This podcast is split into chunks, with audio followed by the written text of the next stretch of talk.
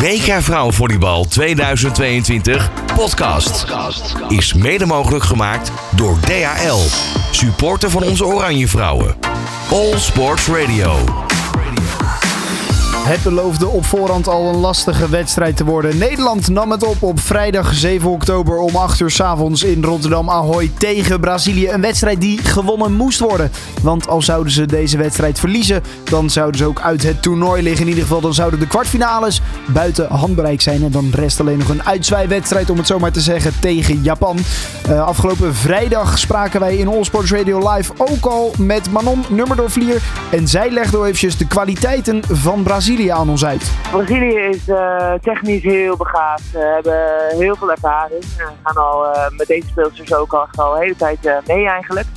Um, ja, krachtig en, en, ja, en snel, snel spel. Dus ja, echt wel uh, een van de favorieten voor de wereldtitel ook. Zoals gezegd, dus een lastige wedstrijd tegen Brazilië. En dat bleek het ook te worden uiteindelijk. En Nederland verliest helaas kansloos met setstanden van 1925, 1925 en 2025. Betekent dus dat Oranje is uitgeschakeld op dit WK. Dat er geen kwartfinales gespeeld zullen worden in de laatste week in Apeldoorn. En dat er zondag nog één wedstrijd rest tegen Japan. We blikken vandaag terug in deze podcast op de wedstrijd Brazilië-Nederland. En dat doen we met John Stukken. Het WK Vrouwenvolleybal 2022 op All Sports Radio.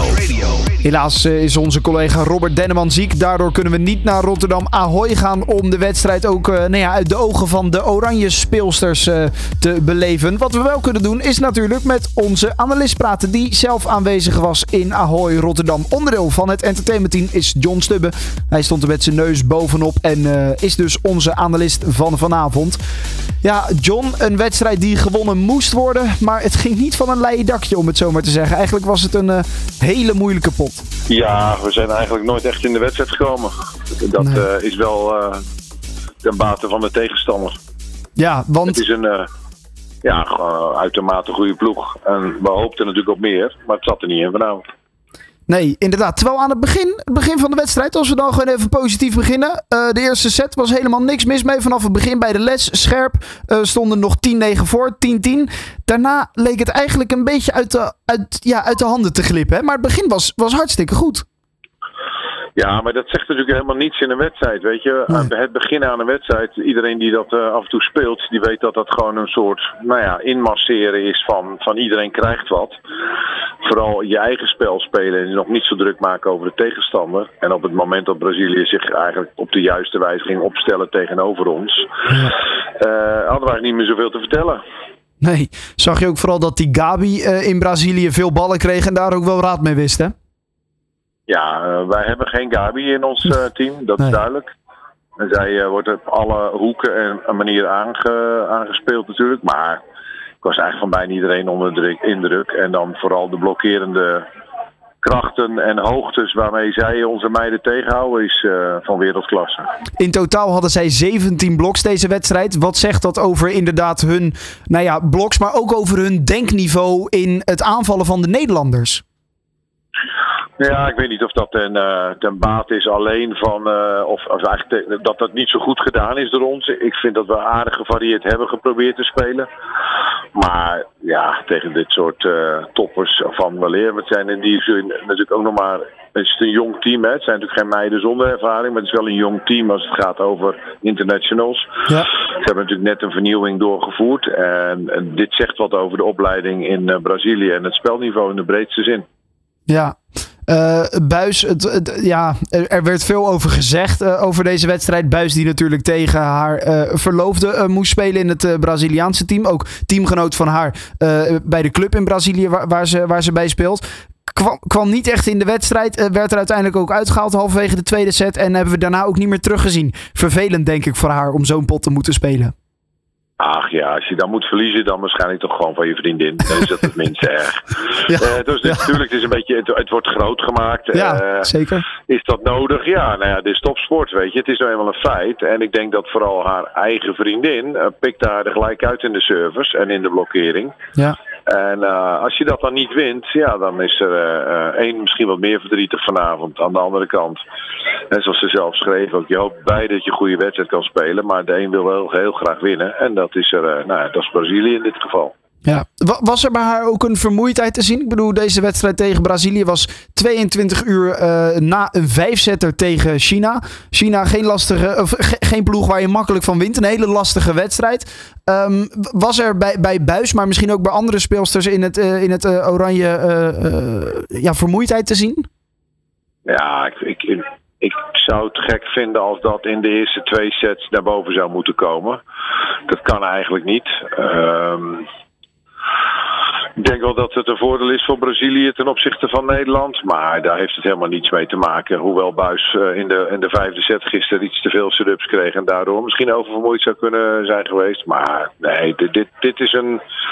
Dit begint met een mentaal spelletje. En daarbij op is Brazilië op alle fronten. Spelverdelen midden, diagonaal, uh, paaslopers zijn ze gewoon beter dan Nederland. Ja, het is natuurlijk ook de nummer 1 van de wereld. Uh, ik denk ook wel na deze wedstrijd en na eerdere wedstrijden die we van hun hebben gezien op dit WK, een titelkandidaat. Ja, dat zag ik in het begin niet echt zitten bij ze. Maar uh, nee. ze zijn uh, ook gegroeid in dit toernooi. En uh, vanavond denk ik ook hun beste wedstrijd gespeeld als het gaat om tegenstander uitschakelen. Wisten heel goed hoe ze ons plat moesten leggen. En dat, is, dat, dat spreekt voor hen echt in het voordeel. Die, die gaan we wel terugzien, ja. Ja, die kunnen dus nog ver gaan komen voor hun. Dus heel positief in ieder geval dat ze deze wedstrijd uh, met 3-0 hebben gewonnen. En de volle buiten hebben meegenomen. Dan kunnen ze uh, misschien lastige ploegen in de kwartfinale ontlopen. En waarschijnlijk wordt dat volgens mij België, waar ze dan tegen gaan spelen in de kwartfinale. Moeten we nog eventjes afwachten? Nou, dat denk ik niet. Ik denk oh. dat België het ook niet gaat redden. Ik denk dat het oh. Japan, okay. China, Brazilië en Italië worden. Maar goed, verrassingen kunnen altijd nog komen.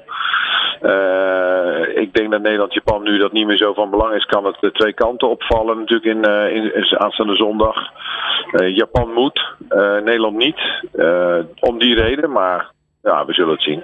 Ja, we gaan het zien. Wat, wat zijn positieve dingen die we nog vanuit deze wedstrijd kunnen, kunnen meenemen? Nou, ik denk dat, kijk, de, de, jeugd komt eraan, hè, de, de, de, nieuwe, de nieuwe groep. Uh, de invalbeurt van Savelkoel is natuurlijk wel gewoon leuk om naar te kijken. De energie ja. die die meid brengt, ja. uh, dat is gaaf. Uh, en als je dan kijkt naar wat er nog allemaal op de bank zit en eigenlijk nog te weinig of niet gespeeld heeft, dan moeten we gewoon bouwen aan een nieuwe, nieuwe generatie. En Over wie heb jij het dan bijvoorbeeld nog? Want Dambrink is erin gekomen tegen de wedstrijd tegen Argentinië, kwam zij erin. speelde zij erg goed. Mocht daarna ook twee keer in de basis beginnen tegen China en ook in deze wedstrijd tegen Brazilië. Dus dat is een van de spelers die inderdaad voor de toekomst belangrijk kan zijn. Zijn er nog andere spelers? Savenkoen noemde je al. Zijn er nog meer? Jasper ja, misschien? Knollema. natuurlijk gewoon de huidige spelverdelers. joh, er, er, is nog zoveel wat, wat, wat er aankomt en wat erin zit. Dus nee hoor, dat komt goed. Als we daar de juiste momenten weer mee kunnen vinden om ze ook weer samen te laten spelen en bij goede clubs te laten acteren, dan, uh, dan heeft Nederland alsnog een uh, mooi programma. Komt, uh, alleen ja, soms duurt dat even. Het zijn altijd golfbewegingen. Langs het veld en vanuit de studio. Het WK Vrouwenvolleybal hoor je van 23 september tot en met 15 oktober op All Sports Radio. dan kijken we eventjes vooruit. Nog een keertje naar de wedstrijd Nederland-Japan, die dus zondag gespeeld gaat worden. We spraken vanmiddag, we spraken afgelopen vrijdag ook ook al uh, in All Sports Radio Live met uh, Manon Nummerdorf-Vlier. Zij zei het volgende over Japan. Misschien wel even interessant om erbij te pakken. Ja, die zijn klein en heel handig. je moet de bal vijf keer slaan voordat hij op de grond gaat. Zij verdedigen gewoon zo met zoveel gemak ja, alle, alle hardgeslagen ballen en tipjes, de statisch geplaatste ballen over het net. Um, maar uh, ja, dus je moet eigenlijk tegen hun een lange adem hebben en uh, ja, meegaan met het snelle spel. Je niet in het bos laten spelen door de spelverdeler daar. Die, uh, ja, die, die, die zijn, uh, vaak de spelverdelers, de Japanse spelverdelers zijn heel slim, heel handig. Proberen ook echt ja, hun, ja, hun aanvallers vrij te spelen. Zodat zij makkelijker een punt kunnen scoren. Want zij hebben het vaak als kleine speelsters moeilijk tegen ons lange blok. Maar ehm, ja, ik ben benieuwd. Totaal spel weer. En uh, ja, wel weer een uitdaging voor Nederland. Ja, hoe kijk jij tegen de ploeg Japan? Ja, ik zou uh, ongeveer helemaal hetzelfde kunnen herhalen. Dat is het. het, is een, uh, het is een zeer handig uh, team. ik denk dat we iets gelijkwaardiger zijn dan in zo'n wedstrijd als tegen Brazilië. Hm. Het ligt alleen heel erg aan hoe wij er mentaal en fysiek voor staan. En ja. ja, dat zal bepalend zijn voor de einduitslag.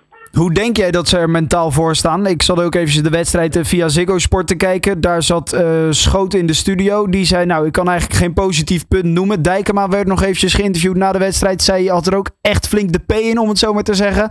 Um, wat denk jij dat overheerst als ze de wedstrijd tegen Japan moeten gaan spelen? Ja, nou ja, ik denk dat ze geen positief punt zien. is natuurlijk logisch. Als je veel van jezelf verwacht, dan, uh, dan, dan, vind ik ook dat je niet positief kan zijn over deze wedstrijd.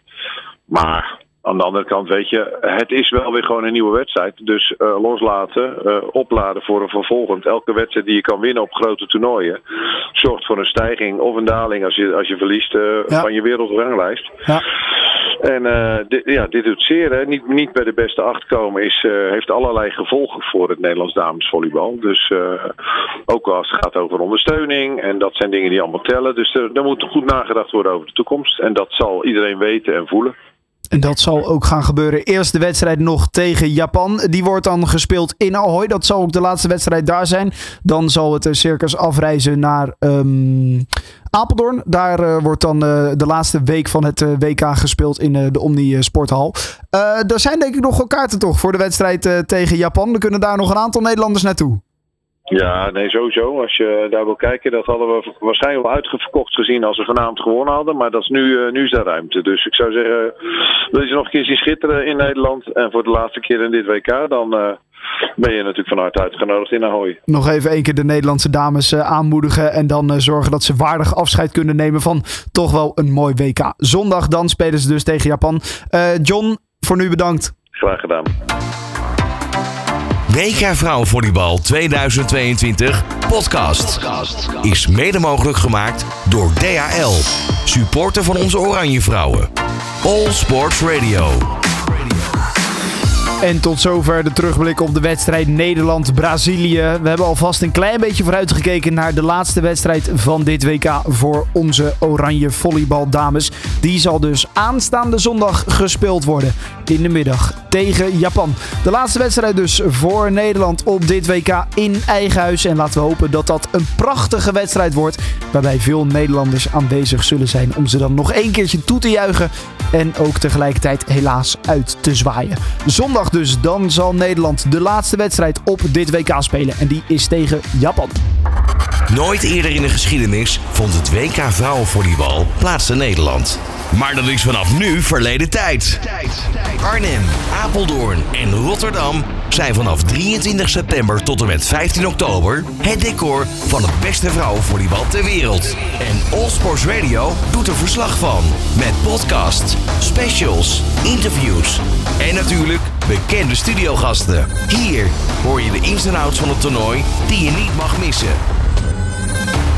Het WK Vrouwenvolleybal 2022 op All Sports Radio is mede mogelijk gemaakt door DHL. Supporter van onze Oranje Vrouwen.